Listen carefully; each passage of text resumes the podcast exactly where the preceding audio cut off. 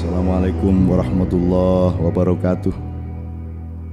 Orang yang sukses, yang sudah kaya raya, yang segala keperluan dunianya tercukupi, bahkan berlebihan, yang segala pemilikan dan penampilannya sangat jauh lebih tinggi dan lebih unggul dibanding rata-rata kita. Mohon sebaiknya tidak usah kita persalahkan sepanjang semua kekayaannya tidak diperoleh dengan menindas kita, merampok kita, atau mencurangi kita. Biarlah beliau-beliau itu menuntaskan hidupnya sendiri tanpa kita ganggu. Yang mungkin menjadi sumber masalah adalah kalau kita beranggapan bahwa orang-orang itu lebih sukses dibanding kita. Yang mungkin perlu dipersoalkan adalah pendapat kita bahwa orang itu berhasil memperoleh kekayaan dan keberhasilan yang kita gagal dan tidak mendapatkannya.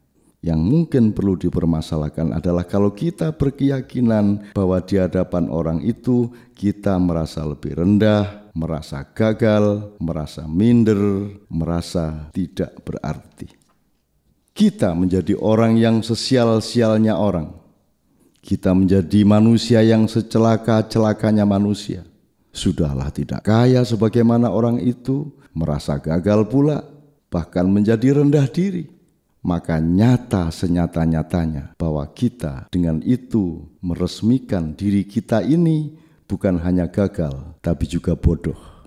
Maka mempelajari ihsan mungkin bisa sedikit membuat kita menggeliat dari keterpurukan itu. thank you